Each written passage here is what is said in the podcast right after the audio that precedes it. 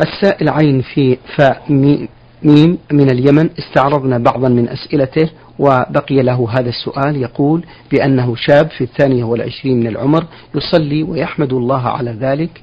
ويقول ولكن في الفترة الأخيرة أصبت بحالة نفسية وهو داء الغرور أي الكبر. ومن طبيعة المصاب بهذا المرض أن يكون فيه النفاق والرياء وكثير من هذه الأمور. حاولت أن أعالج نفسي عند الدكتور وبالقرآن ولكن دون فائدة. والسؤال هل تقبل صلاتي وصيامي وأنا بهذه الحالة مع العلم بأنني أكره هذه الصفات المذمومة ولكن لم أستطيع التخلص منها لأنها بدون إرادتي وجزاكم الله خيرا. الحمد لله رب العالمين وأصلي وأسلم على نبينا محمد وعلى آله وأصحابه ومن تبعهم بإحسان إلى يوم الدين. الواجب على من ابتلي بمرض نفسي من وسواس أو غيره أن يلجأ إلى ربه عز وجل. ويكثر السؤال بإلحاح وطمع في الإجابة وحسن ظن بالله عز وجل. وإذا غلب هذا الأمر على نفسه ولم يستطع مدافعته فإنه لا شيء عليه في ذلك. بقول الله تبارك وتعالى لا يكلف الله نفسا إلا وسعها ولقوله تبارك وتعالى فاتقوا الله ما استطعتم ولأن النبي صلى الله عليه وعلى آله وسلم سئل عن مثل هذه الأمور فقال ذاك صريح الإيمان. وأمر النبي صلى الله عليه وسلم من أصيب بوساوس فيما هو أعظم مما ذكره السائل أن يستعيذ بالله وينتهي. أن يستعيذ بالله يعتصم به جل وعلا وينتهي أن يعرض ويتغافل عما يقع في نفسه من مثل هذه الوساوس. فليستعمل هذا الرجل السائل فليستعمل هذا الرجل السائل الاستعاذة بالله عز وجل من الشيطان الرجيم وينتهي عما يصيبه من هذه الوساوس ويعرض ويتلهى فإنها بإذن الله تزول. ولئن تأخر إزالتها ولئن تأخر زوالها فلا فلا ييأس لأن اليأس من رحمة الله تعالى من كبائر الذنوب. ولا يأس أحد من رحمة الله وهو يحسن الظن به أبدا. بل اليأس من رحمة الله سوء ظن بالله عز وجل. وأسأل الله لهذا السائل أن يعصمه من الفتن ويعيده من الشيطان الرجيم. اللهم آمين. بارك الله فيكم. السائل آه، حميد أحمد من آه، اليمن يقول في هذا السؤال لدينا طلاب متفقهين في الشرع ويقولون بأن الله عز وجل سيرى يوم القيامة فهل هذا صحيح مع الدليل من الكتاب والسنة؟ وكذلك فهم يدخلون المساجد بلبس الحذاء والصلاة فيها. أفتونا بهذا. جزاكم الله خيرا. أما المسألة الأولى وهي رؤية الله تعالى يوم القيامة فهذا صحيح. ثابت بالقرآن والسنة وإجماع السلف. فمن أدلة ذلك في كتاب الله قول الله تبارك وتعالى وجوه يومئذ ناظرة إلى ربها ناظرة. فناظرة الأولى بمعنى حسنة. وناظرة ثانية من النظر بالعين. ولهذا أضيف النظر إلى الوجوه التي هي محل الأعين. ومن ذلك قول الله تبارك وتعالى للذين أحسنوا الحسنى وزيادة. فقد فسر النبي صلى الله عليه وسلم الحسنى بالجنة والزيادة بالنظر إلى وجه الله عز وجل. ومن ذلك قول الله تبارك وتعالى كلا إنهم عن ربهم يومئذ لمحجوبون. يعني بذلك الفجار وهذا دليل على أن الأبرار يرون الله عز وجل. لأن الله تعالى لما حجب هؤلاء في حال السخط كان مفهومه أن الله تعالى لا يحجب هؤلاء في حال الرضا أعني الأبرار. ومن ذلك قول الله تبارك وتعالى وهي الآية الرابعة لهم ما يشاءون فيها ولدينا مزيد.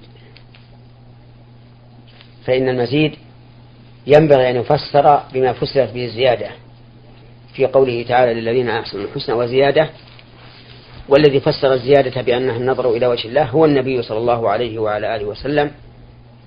ولا شك أن النبي صلى الله عليه وسلم أعلم الناس بمراد الله تعالى في كلامه.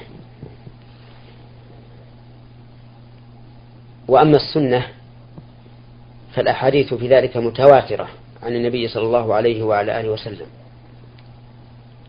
فقد تواتر عن النبي صلى الله عليه وعلى آله وسلم أن الله تعالى يرى بالعين يوم القيامة.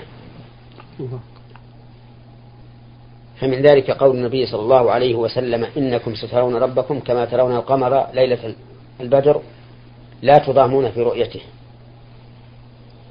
فإن استطعتم أن لا تغلبوا على صلاة قبل طلوع الشمس وصلاة قبل غروبها فافعلوا. والصلاة التي قبل طلوع الشمس هي صلاة الفجر والتي قبل غروبها هي صلاة العصر. وهاتان الصلاتان أفضل الصلوات. ولهذا قال عليه الصلاة والسلام من صلى البردين دخل الجنة.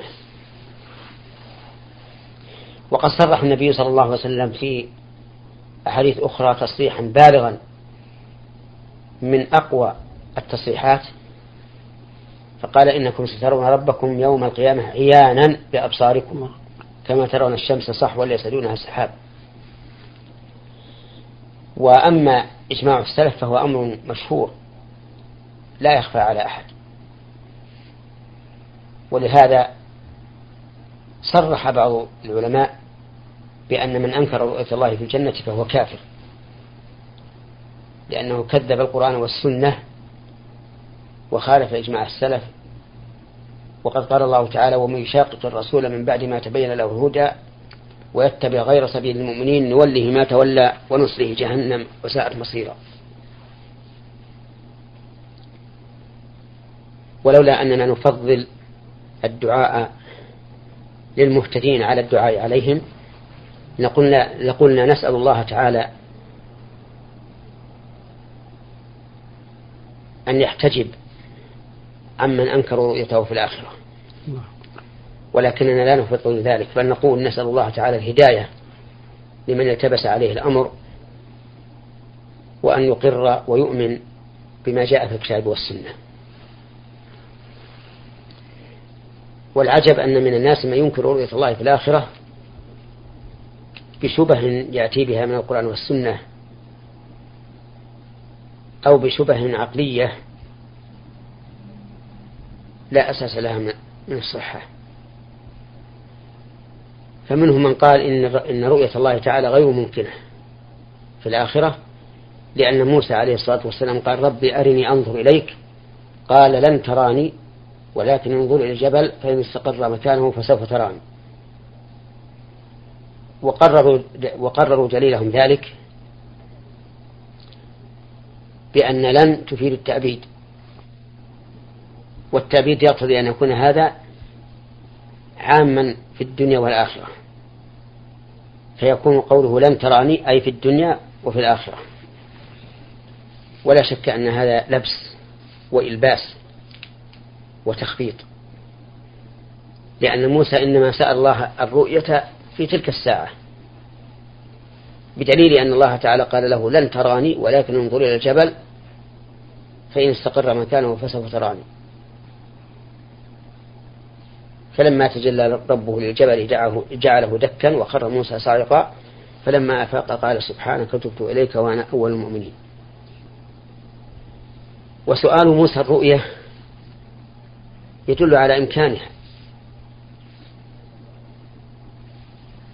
إذ لو لم تكن ممكنة عقلا ما سألها موسى عليه الصلاة والسلام. لكن الإنسان في الدنيا لا يستطيع أن يرى الله عز وجل وذلك لقصوره وضعفه. ولهذا قال النبي عليه الصلاة والسلام واعلموا أنكم لن تروا ربكم حتى تموتوا. ويدل لهذا أن أن الله تعالى لما تجلى للجبل اندك الجبل. وهو الحجر الأصم. فكيف يمكن لجسم ابن آدم الضعيف أن يثبت لرؤية الله عز وجل؟ في هذه الدنيا.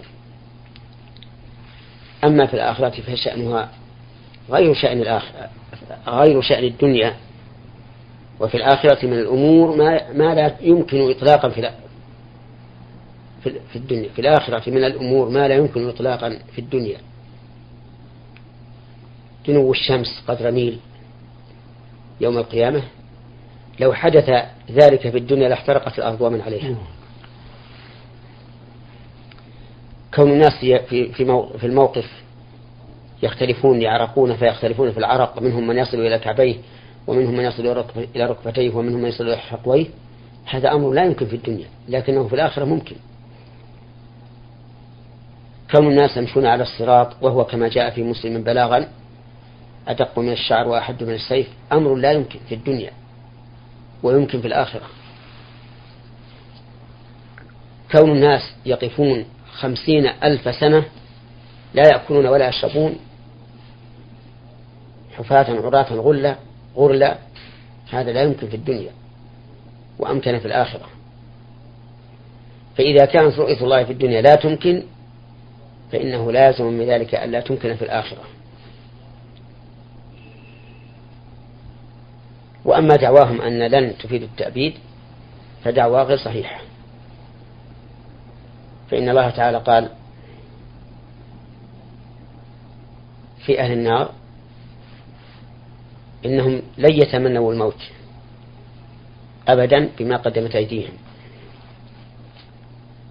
قال ذلك في اليهود. وقال عن أهل النار يوم القيامة وقالوا, وقالوا يا مالك ليقضي علينا ربك أي ليهلكنا ويمتنا حتى نستريح. فهنا تمنوا الموت وسألوا الله تعالى أن يقضي عليهم ولكن لا لا يتسنى لهم ذلك. قال إنكم ماكثون. ولهذا قال ابن مالك رحمه الله في الكافية ومن رأى النفي بلا مؤبدا فقوله اردد وسواه فاعضدا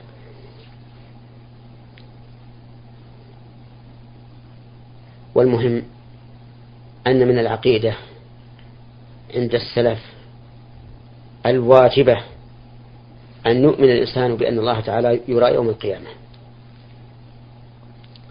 ولكن متى يرى؟ يرى في الجنة. إذا دخل أهل الجنة في الجنة فإن الله فإن الله تعالى يكشف لهم كما شاء ومتى شاء وكيف شاء. فيرونه. في عرصات القيامة لا يراه الكافرون يراه المؤمنون والمنافقون ثم يحتجب الله تعالى عن المنافقين. والخلاصة أنه يجب علينا أن نؤمن بأن الله تعالى يرى يوم القيامة رؤية حق بالعين. فإن قال قائل وإذا رؤي هل يدرك؟ كما يدرك الرائي وجه مرئية. قلنا لا. لا يمكن أن يدرك؟ لأن الله تعالى قال لا تدركه الأبصار وهو يدرك الأبصار وهو اللطيف الخبير.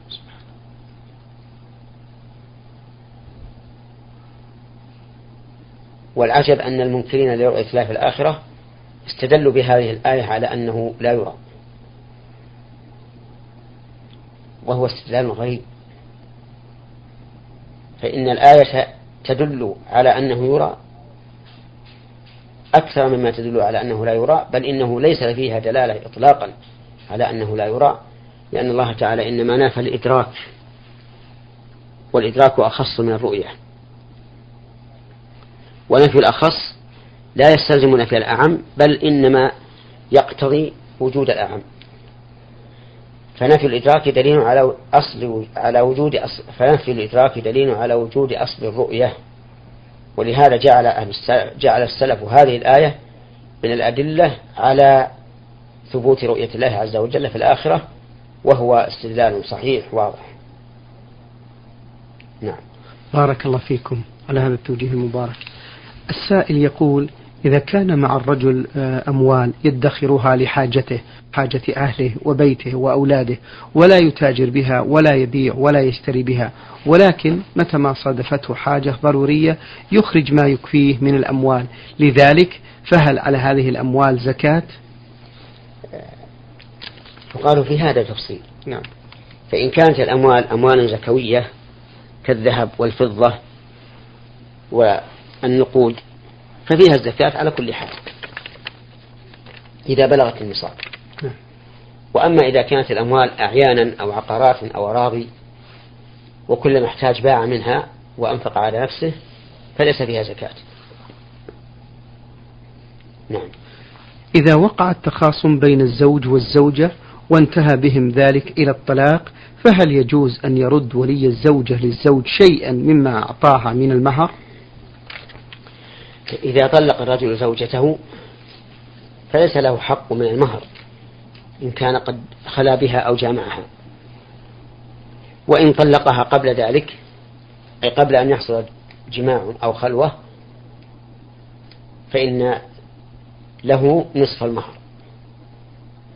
لقول الله تبارك وتعالى وإن طلقتموهن من قبل أن تمسوهن وقد فرضتم لهن فريضة فنصف ما فرضتم إلا أن يعفون أو يعفو الذي بيده عقدة النكاح. ولكن لكل من الزوج والزوجة أن يعفو عن الآخر ويتسامح معه. ولا سيما إذا اقتضت الحاجة ذلك. فمثلا إذا طلق الرجل بعد الدخول أي بعد الجماع أو بعد الخلوة فليس له حق في المهر. لكن لو أن المرأة وافقت على أن يعطى شيئا من المهر تطيبا لقلبه فلا حرج. وكذلك لو أن الرجل طلق قبل الدخول والخلوة وعفى عن نصفه فلا حرج. نعم. بارك الله فيكم. السائل من المدينة المنورة نعم. رمز لاسمه بميم ياء يقول أعمل في محل تجاري وأحيانا أجد بعض الهوام من آه، جراذ أو فئران أو غيرها. حاولت القضاء عليها بالقتل مباشرة فلم أستطع لصعوبة ذلك. اشتريت مادة غراء لاصقة لإمساكها فتسبب ذلك بأضرار في البضاعة. اهتديت إلى مصيدة على شكل صندوق مخرم تدخل فيه تلك الحشرات والحيوانات فتنطبق عليها وهي حية ثم بعد ذلك أقوم بقتلها بواسطة سيخ أو آلة حادة مع العلم بأن ذلك يحدث بعض العذاب لها أثناء القتل. وإذا لم أقتلها أقوم برميها في وعاء فيه ماء فلا تستطيع الخروج منه وتبقى كذلك حتى تموت. فهل علي حرج في ذلك؟ أولا السائل يقول إنه من المدينة المنورة وهذه كلمة شائعة بين الناس أن يسموا المدينة بأنها المدينة المنورة. وحقيقة أن النبي صلى الله عليه وسلم لما قدم المدينة أضاء منها كل شيء لكن لما توفي أظلم منها كل شيء. هكذا جاء الحديث عن أنس بن مالك رضي الله عنه. وهي مدينة منورة بلا شك بالعلم والإيمان. وكذلك كل مدينة دخلها الإسلام فإنها منورة بالعلم والإيمان.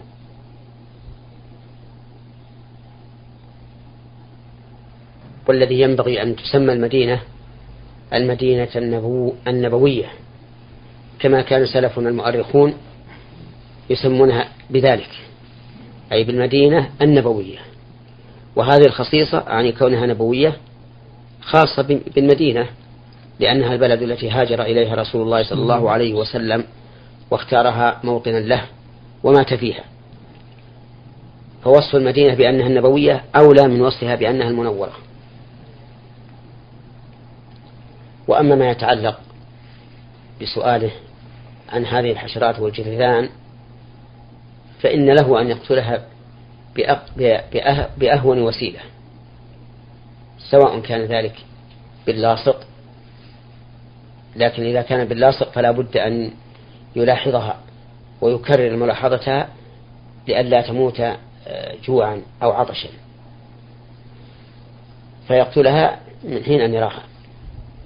أو كان ذلك بما ذكره من وضع فخ تدخل فيه ثم يقضي عليها بالقتل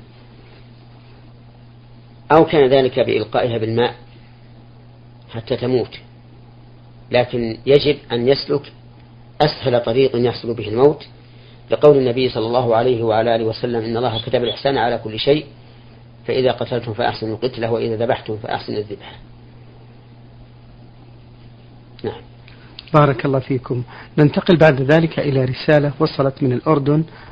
من السائل عين نون يقول لي أخ كان يصلي مع الجماعة في المسجد وعندما رحلنا إلى البي إلى بيت آخر لم يوجد بالقرية مسجد وطريق البيت صعبة جدا وبحيث تتواجد فيه بحيث تتواجد في هذا الطريق حيوانات مؤذية مع العلم بأنه شاب هل يجوز له أن يصلي في البيت؟ لا يجوز له أن يصلي في البيت مع أن يصلي في البيت مع قدرته على الصلاة في المسجد. فإن رجلا أعمى أتى إلى رسول الله صلى الله عليه وعلى آله وسلم وقال يا رسول الله إني رجل أعمى ليس لي قائد يلائمني. فقال له النبي صلى الله عليه وعلى آله وسلم هل تسمع النداء؟ قال نعم. قال فأجب. أما إذا كان لا يستطيع الوصول إلى إلى المسجد لكونه مريضا أو أعرج لا يستطيع الوصول إلى المسجد إلا بمشقة شديدة فهنا تسقط عنه جماعة ويصلي في بيته للعذر. نعم. يقول هذا السائل هل السبعون ألف الذين يدخلون الجنة هؤلاء إيمانهم يكون كامل وأناس يعذبون في النار ويدخلون الجنة وأناس يبقون في النار خالدين فيها؟ أما الناس الذين يبقون في النار خالدين فيها فهؤلاء الكفار الذين ليس لهم حسنات. كما قال الله تبارك وتعالى إن الله لعن الكافرين وأعد لهم سعيرا خالدين فيها أبدا لا يجدون وليا ولا نصيرا. وقد ذكر الله تعالى خلود الكافرين في الأبدي في القرآن في ثلاثة مواضع. الأول في النساء في قوله تعالى إن الذين كفروا وظلموا لم يكن الله ليغفر لهم ولا ليهديهم طريقا إلا طريق جهنم خالدين فيها أبدا وكان ذلك على الله يسيرا. والثاني في الأحزاب في قول الله تعالى إن الله لعن الكافرين وأعد لهم سعيرا خالدين فيها أبدا لا يجدون وليا ولا نصيرا. والثالث في سورة الجن في قوله تعالى ومن يعص الله ورسوله فإن له نار جهنم خالدين فيها أبدا. وأما أهل المعاصي من المؤمنين فهؤلاء مستحقون لدخول النار والعذاب فيها بقدر ذنوبهم. ولكن قد يغفر الله لهم. فلا يدخلون النار. وقد يشفع لهم. فلا يدخلون النار. وهناك أناس يدخلون الجنة بلا حساب ولا عذاب وهم الذين وصفهم النبي عليه الصلاة والسلام بقوله لا يسرقون ولا يكتوون ولا يتطيرون وعلى ربهم يتوكلون. نعم. السائل يقول لي أم لا تركع ولا تسجد في الصلاة بسبب آلام في المفاصل والأرجل وإنما تهز رأسها. آه، هل صلاتها صحيحة في مثل هذه الحالة؟ نعم صلاتها صحيحة. من لم يستطع الركوع فليوم به قائما ومن لم يستطع السجود فليوم به قاعدا. لقول النبي لقول الله تبارك وتعالى لا يكلف الله نفسا إلا وسعها ولقوله تعالى فاتقوا الله ما استطعتم ولقول النبي صلى الله عليه وعلى آله وسلم لعمران بن حسين صل قائما فإن لم تستطع فقاعدا فإن لم تستطع فعلى جنب بارك الله فيكم. نختم هذا اللقاء بسؤال من السائل عين جيم جيم سوداني مقيم بليبيا. يقول هل هناك زمن محدد لذبح العقيقة ثم متى يحلق ثم متى يحلق شعر المولود مأجوري؟ شعر المولود يحلق في اليوم السابع إذا كان ذكرا. وأما الأنثى فلا يحلق رأسها. وإذا حلق شعر الرأس فإنه يتصدق بوزنه فضة كما جاء في الحديث. وأما العقيقة فالأفضل أن تكون في اليوم السابع. قال العلماء فإن فات اليوم السابع ففي اليوم الرابع عشر. فإن فات ففي اليوم الحادي والعشرين. فإن فات ففي أي وقت. على أنه لا حرج أن يذبح العقيقة في اليوم السادس أو الخامس أو العاشر أو الثاني عشر. لكن هذه أوقات مفضلة فقط وهي ثلاثة السابع والرابع عشر والحادي والعشرين. شكر الله لكم يا فضيلة الشيخ وبارك الله فيكم وفي علمكم ونفع بكم المسلمين. أيها الإخوة الأحباب أيها الإخوة المستمعون الكرام أجاب على أسئلتكم فضيلة الشيخ محمد بن صالح بن عثيمين الأستاذ في كلية الشريعة وأصول الدين في القصيم وخطيب وإمام الجامع الكبير في مدينة عنيزة. شكر الله لفضيلته وشكرا لكم أنتم. وفي الختام تقبلوا تحيات زميلي مهندس الصوت سعد عبد العزيز خميس والسلام عليكم ورحمة الله وبركاته. نور على الدرب. برنامج يومي يجيب فيه أصحاب الفضيلة العلماء على أسئلة المستمعين. البرنامج من تقديم وتنفيذ عبد الكريم صالح المجرم